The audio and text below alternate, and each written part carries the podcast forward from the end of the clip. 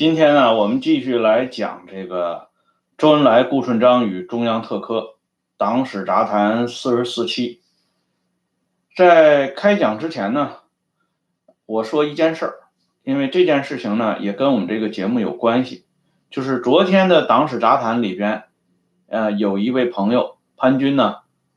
这是老朋友了，他呢有一个留言，给了我一个链接，链接呢。打开一看呢，是吴德峰的孩子，啊，叫吴池生。吴池生呢，他的有一个回忆，就是说关于黄木兰，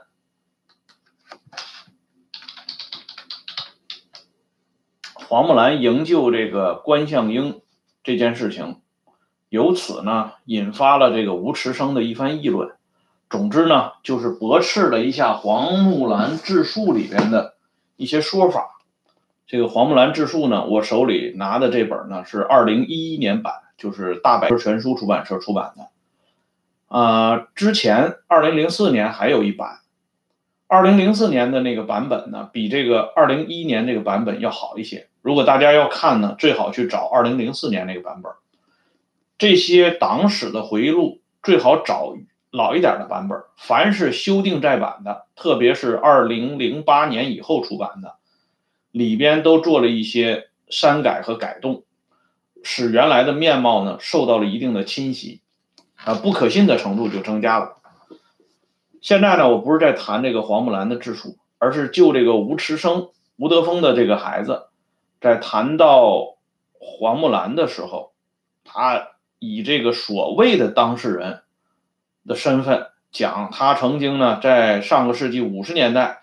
啊，带引号的偷听啊，他是不得不听到了他父亲吴德峰啊，他老爹吴德峰同黄木兰之间的一次争吵，然后呢，吴德峰劈头盖脸的把黄木兰的那些缺陷、缺点、毛病，还有黄木兰在私生活上的这种乱性，说的乱七八糟的一大堆啊，把这个黄木兰啊说成这个是咎由自取。啊，黄木兰自己呢？据他这个吴池生回忆说，黄木兰自己说，她为了党的工作，为了革命，甚至去当了妓女。然后呢，吴德峰说他当妓女是自找的啊，还表示了这个吴池生的回忆里边还表达出周恩来后来让吴德峰与黄木兰断断这个组织关系等等吧。就是说，从吴池生的回忆当中呢，我们可以看到。就是在他的描述下，黄木兰成了一个无足轻重的人，啊，他极力回避的两件事情，一个呢是向忠发的叛变，一个是对关向英的营救，这两件事情呢，都是我们这个中央特科啊，周恩来、顾顺章和中央特科里面要提到的话题，所以呢，希望大家不着急啊，要慢慢听。今天说到这个开头的目的是想跟大家说一点，就是说吴池生的这个回忆不要轻信。吴池生这个人啊，你要知道啊，这个一个人啊，他搞什么回忆，你要跟他的这个本人的政治历史背景要进行勾连，因为一个人他的回忆和他的立场必然是一致的。特别是对中共党史的这种回顾，他一定会有一种选择性失明，这已经成了习惯了，是改不掉的。这个吴池生，他跟什么人关系比较好呢？我给大家打一下：孔丹、彭小萌，这都是些什么人呢？这都是当年西纠联动的骨干成员。就是吴池生跟他们关系很好，而了解西纠联动的人，对吴池生啊，这个就是吴德峰的这几个孩子究竟什么情况？这些人实际上现在啊，了解西纠联动的人现在虽然已经六七十六七十岁了，但是人都还健在。在北京的朋友们，如果不嫌麻烦的话，可以去访一访啊，这个人到底怎么样？听一下口碑资料就知道了。而且呢，最为滑稽的是啊，这个吴德峰的老婆戚元德，包括他这个幸存的这五个孩子啊，因为吴德峰一共是九个子女啊，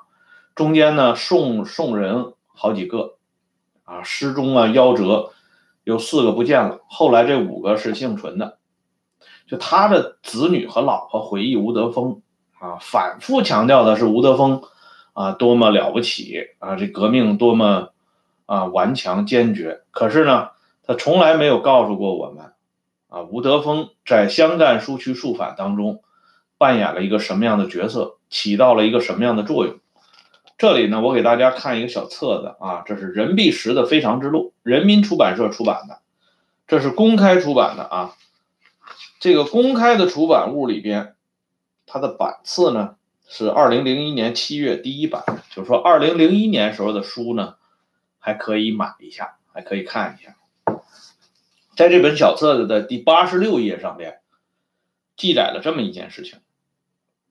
吴德峰和陈红石一到湘赣，便再次掀起抓 A、B 团的高潮，同时大反罗明路线。一九三三年六月。不但政治保卫局里关押了许多反革命案犯，就连省军区代理总指挥王震、政委甘四奇等都上了嫌疑犯的名单，真可谓风声鹤唳！惊叹号！结束。在这本小册子里边，这个任弼时的《非常之路》是当时出的一个系列啊，这些重要的党和国家领导人的呃传记进行了缩编。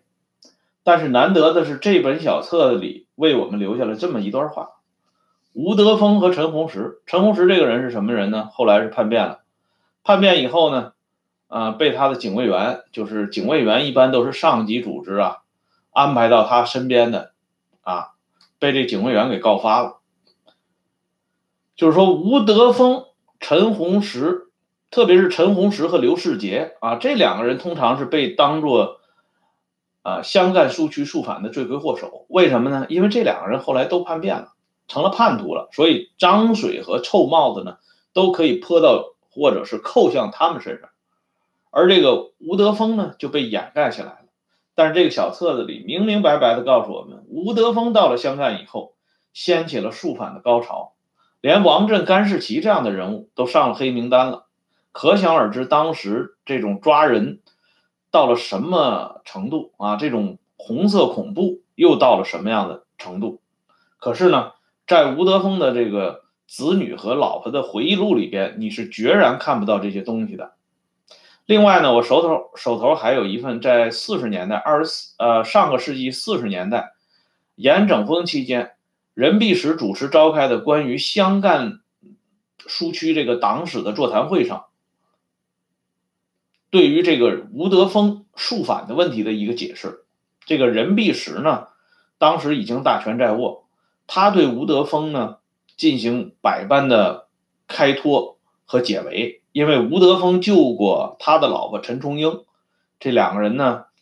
哥俩好，所以呢任弼时为吴德峰打埋伏。即便是这样，任弼时在这个湘赣党史座谈会上也不得不啊面对着这么多的当事人。也不得不承认吴德峰那是犯了严重的错误，但是这些东西，啊，吴池生也好，他的这个兄弟姊妹吴爱生、吴煞生这些、吴中生这些人，包括他的老娘戚元德，那是绝对不会告诉我们的。一口一个我党，一口一个我军的人，大家是要觉得啊，要重重的打一个问号的。今天呢，用几分钟。时间来讲一下这个吴德峰，因为这吴德峰在我们这个节目里会经常出现，这是一个何许人也呢？需要大家对它有一个整体的了解。接下来呢，我们继续来讲这个中央特科。事实上呢，在刚才我说到的这个吴池生的回忆里边提到了两个话头，重要的一点，我跟大家可以。提前说一下，一直以来大家认为的，通过党史教科书，包括周恩来他们的回忆，知道的是原来的中共中央总书记向忠发是叛变的。但是我可以负责任的告诉大家，向忠发的叛变问题，迄今为止只有周恩来一个人在解释这个问题。所谓孤证不立，啊，因为所有的这个事情呢，都是周恩来一个人向党内说的，而张继恩本人的回忆，当时在向忠发身边工作的张继恩，他本人的回忆是公开发表出来的啊，在七十年代末七九年的时候，在采访张继恩的时候，到了七九年的时候，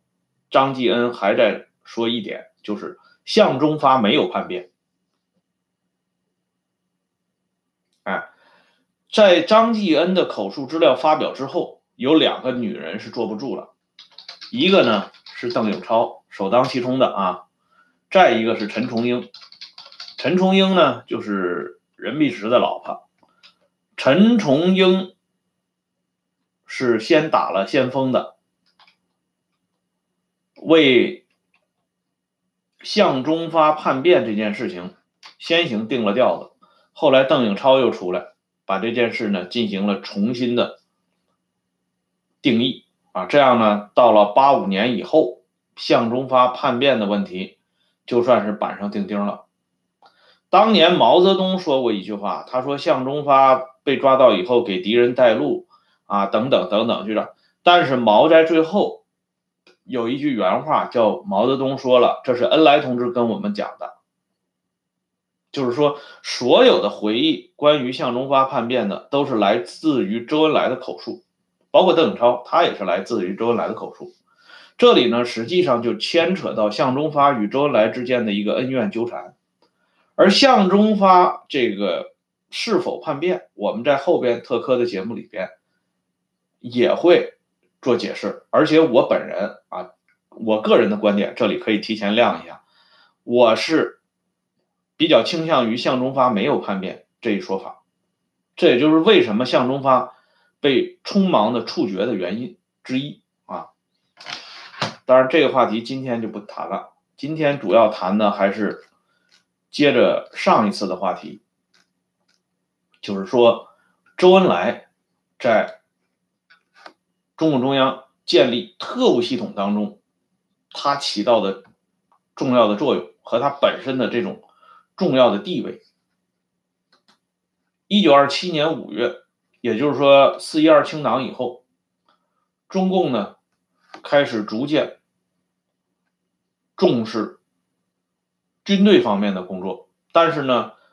这个说法呢实际上是源自于八七会议，中央政治局紧急会议。在八七会议上呢，毛泽东提出了那个“枪杆子里出政权”的著名的观点。可是呢，周恩来做的这个活动呢，要比毛要早，至少早三个月。就是在一九二七年五月，在周恩来的动议之下，仿照国民党的组织架构，共产党成立了中共中央军人部。最初呢叫军人部。我们都知道，蒋介石担任过国民党中央军人部部长，所以那个时候呢是仿照国民党的。序列，这个军人部后来改称改称为军事部。周恩来任部长，顾顺章是周恩来的重要助手。周恩来为什么要把顾顺章调到我身边呢？主要是在这之前，也就是一九二七年二月的时候，周恩来和顾顺章有过相当一段愉快的合作。就是顾顺章从一九二七年二月开始担任中共上海区执行委员会军事委员会主任，这个上海区委军委会的头子就是顾顺章。那个时候，顾顺章刚刚从苏联接受培训回来，周恩来呢就邀请顾顺章到上海区委任职。而这个时候，周恩来是上海区委的实际灵魂级人物，他是上海区委的组织部部长。而周恩来和顾顺章呢，两个人在上海合作的这一段时间，最大的杰作之一就是上海工人第三次武装起义的成功。因此呢，后来这个顾顺章也是声名大噪啊，居然呢出任了上海市临时政府的市政府的委员，还曾经呢在市政府成员合影当中留下了一张珍贵的照片。这个大家可以在网上搜索看到，周恩来在第三次啊工人起义的时候，他和顾顺章、赵世炎三个人担任特别军事委员会成员。而在这里边呢，起决定性作用的主要是周恩来和顾顺章。顾顺章那个时候呢，利用自己这种青帮的身份做掩护，然后呢，他纠结了一些流氓，去殴打啊孙传芳的这个驻军，然后挑起事端，这是让周恩来感到。就是认为顾顺章在这个方面上感到顾顺章这个人很有才干，很有鬼点子，所以周恩来后来呢，在中共中央的这个有关会议上对顾顺章进行表扬。他说：“顾顺章同志主意很多，办法也很多在关键时刻呢，总是能想出一些好的办法来。这是我们中央着意。”应该重点使用他和培养他、扶植他的原因，这是当时周恩来说的原话大意。正因为有了这一段愉快的合作，到了八七会议之后呢，中共中央决定废除组织部、宣传部等一系列的中央的这些直属办事机构。另外成立了一个精干的组织局，这个组织局其实也是仿效这个苏苏共的俄国人当时的做法。这个组织局囊括的范围就很大了，类似于就是在第三次庐山会议，七零年夏天第三次庐山会议结束以后不久，毛泽东呢把中央文革借尸还魂。成立了一个威名赫赫的中央组织宣传组，啊，这个中央组织宣传组呢，组长是康生，重要的成员就包括了江青他们这些人。这个组织宣传组管辖的范围大致跟这个我们现在讲的这个组织局类似，这个组织局里边。有著名的四大科长一说，四大科长哪四位科长呢？分别是邓小平秘书科科长、李明科军事科科长、柳直荀调查科科长、顾顺章特务科科长，这四个人。而这四个人呢？是周恩来手下的四大金刚，周恩来对这四个人非常器重，而这四个人里边呢，周恩来当时相当看重的是两个人，一个是顾顺章，这就不用说了，还有一个人叫李明科。李明科这个人呢，因为他死的很早，在上个世纪三十年代就被击毙了，所以很多人对这个人呢了解的不多。今天呢，在这个节目里，要花费一点时间。来讲一下李明科，李明科和顾顺章当时是并称为顾李，两个人呢是周恩来手下的左膀右臂，周恩来非常欣赏这两个人，而且李明科这个人可以说是中共政治保卫工作的开山鼻祖之一，他在南昌起义的时候就已经担负起。政治保卫工作了，他当时的职务呢是手枪队队长，实际上就是兼任政治保卫工作队队长。在南昌起义败退的这一路上，这李明科在不停的抓人杀人，干的就是这个勾当。而李明科有一个好学生，一提大家也就知道了，罗瑞卿。李明科是罗瑞卿的领路人。因为李明科和罗瑞卿都是四川人，李明科比罗瑞卿大个七八岁，七八岁的样子。啊，李明科本人呢还做过南充中学的教师，那个时候罗瑞卿正在南充中学求学，而李明科留给罗瑞卿的这个名言，就非常非常能够折射出李明科的为人和为什么周恩来会喜欢重用李明科。这个李明科是党内有名的亡命之徒，就是说这个人非常狠，对人能够下得去手。他呢，早在黄埔的时候，他是黄埔四期啊，李明科，他是黄埔生，黄埔的时期他就参加了周恩来领导的青年军人联合会。他实际上，李明科比周恩来只小一岁。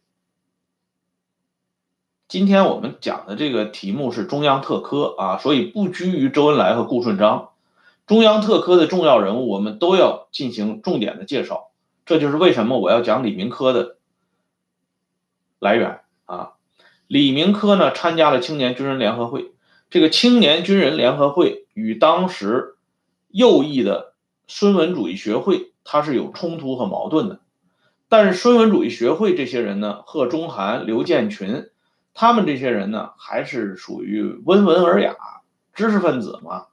啊，还是以辩论啊为主。但是李明科人家就已经不感兴趣了，因为他认为辩论没有意义，必须要大打出手，让孙文主义学会这些人吃够了苦头。他才不敢跟我们青年军人联合会叫板，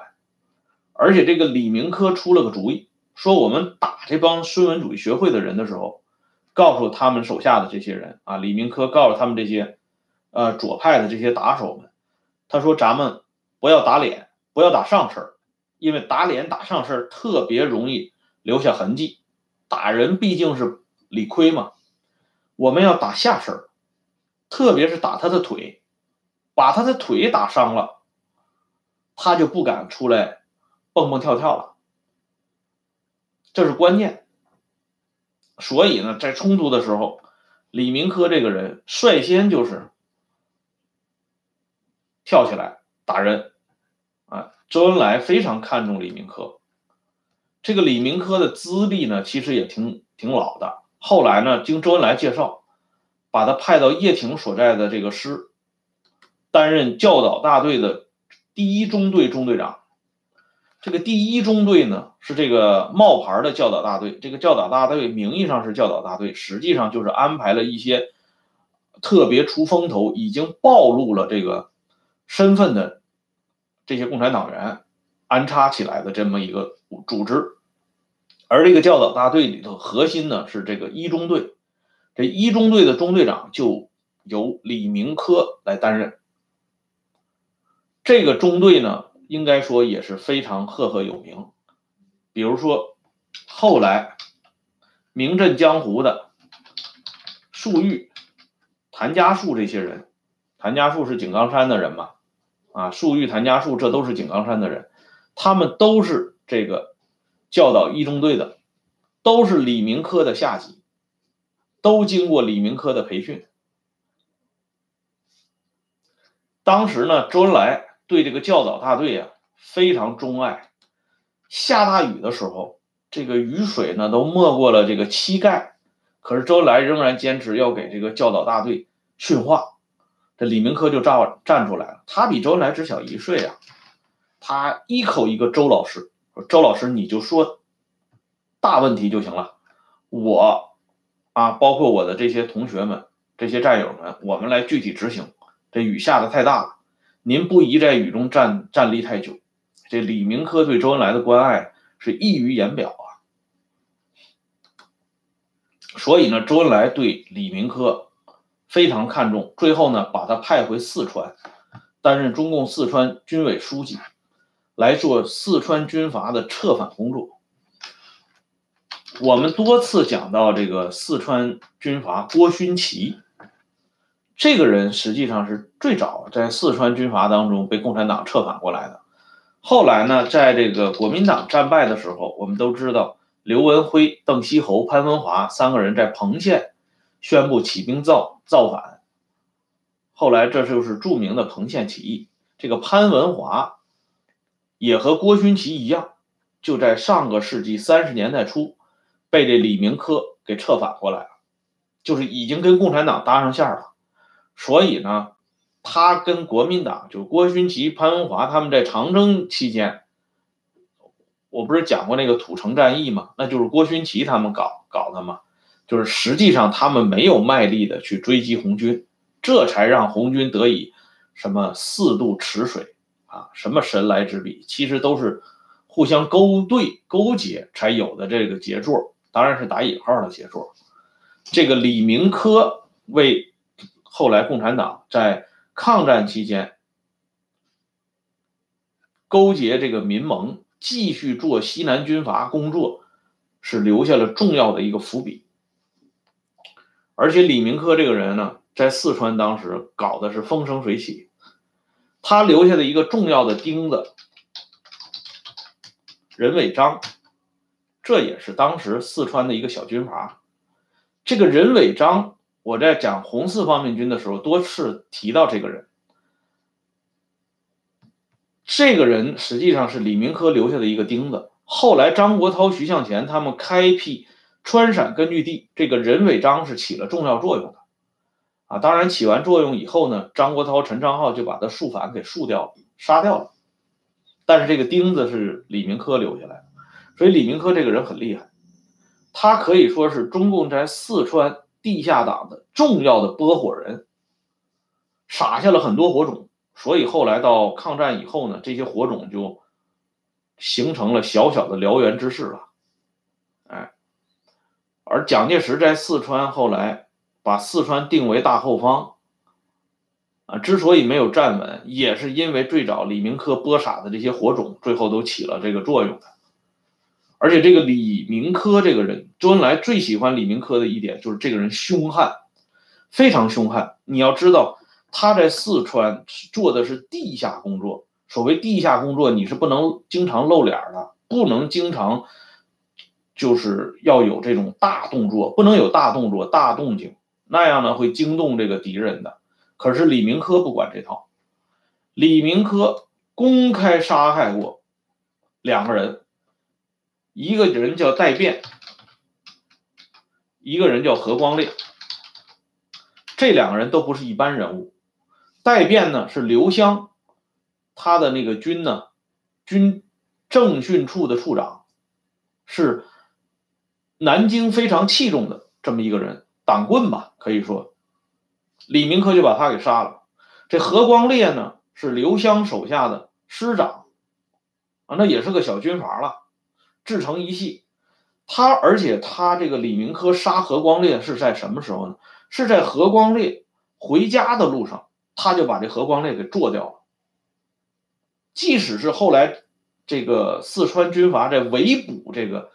李明科的时候，李明科也是率先打死了呃迎头上来的这个侦缉队队长，然后呢，李明科就是杀鸭子乱跑，最后整个这个城市进行戒严。才抓到这个李明科，这李明科凶悍到什么程度呢？这个罗瑞卿到晚年都记着这李明科给他留下的名言。李明科当时就告诉罗瑞卿，说这个时间呢是一九二七年六月份，当时罗瑞卿在一九二七年六月去看望李明科的时候啊，李老师长，李老师短，然后这个李老师李明科告诉罗瑞卿，死不算什么，特别是枪子儿。不可怕，这罗瑞卿他们就问为什么呢？他说：“我告诉你，李明科说，枪打到身上，钻个眼儿就过去了，一点痛苦都没有。所以你们上战场挨枪子儿，这实际上是一个啊。李明科没说这话，但是李明科的意思已经露出来，就是说上战场挨枪子儿是一个很幸福的事儿，不要担心。”这种哈凶枭之气溢于言表啊，这个人相当凶悍，所以在击毙李明科的时候，刘湘特意吩咐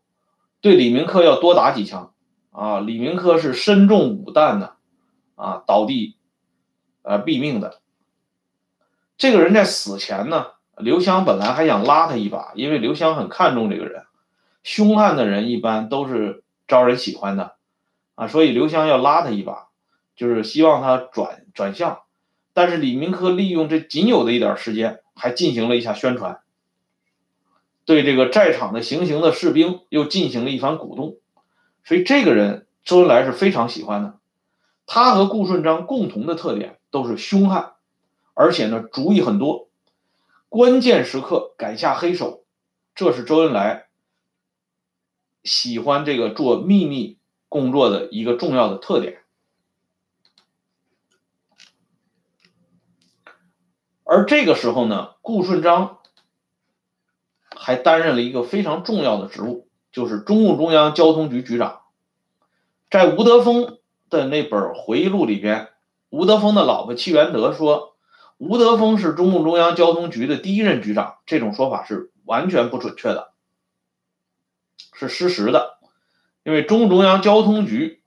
最初的创立者就是周恩来与顾顺章。顾顺章亲自兼任中共中央交通局局长，而那个时候的吴德峰呢，他只是顾顺章手下的科长，他是负责外部交通的科长。中共中央交通局跟今天我们理解着的交通部、交通运输部这是两码事儿。中共中央交通局如果实在要比喻的话，应该说，类似于今天的华为，它是中共这情报工作的重要外延和重要触角。他负责领导秘密情报站、秘密交通点儿负责护送中央重要领导人和重要的高级干部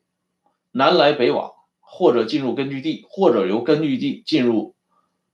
啊，苏区或者是前沿战区，同时呢，他还有一个重要的责任，这有点像这个大清朝的内奏事处，就是说，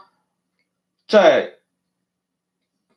接到重重要的党内干部回国或者去某地安排工作的时候，中共中央交通局他有权利把这个干部。想对中央说的话，想对中央提出的建议，或者是干部本人对工作安排的某些想法，他有权利去向中央进行转述。这个权利其实是很大的。接下来我要举这个伍修权的例子，来说明中共中央这个两任交通局局长顾顺章和吴德峰这两个人都做过哪些了不得的事情。当然了，这个话题要在下一次直播里说了。今天的直播呢，暂时就说到这里，谢谢大家收听收看，再见。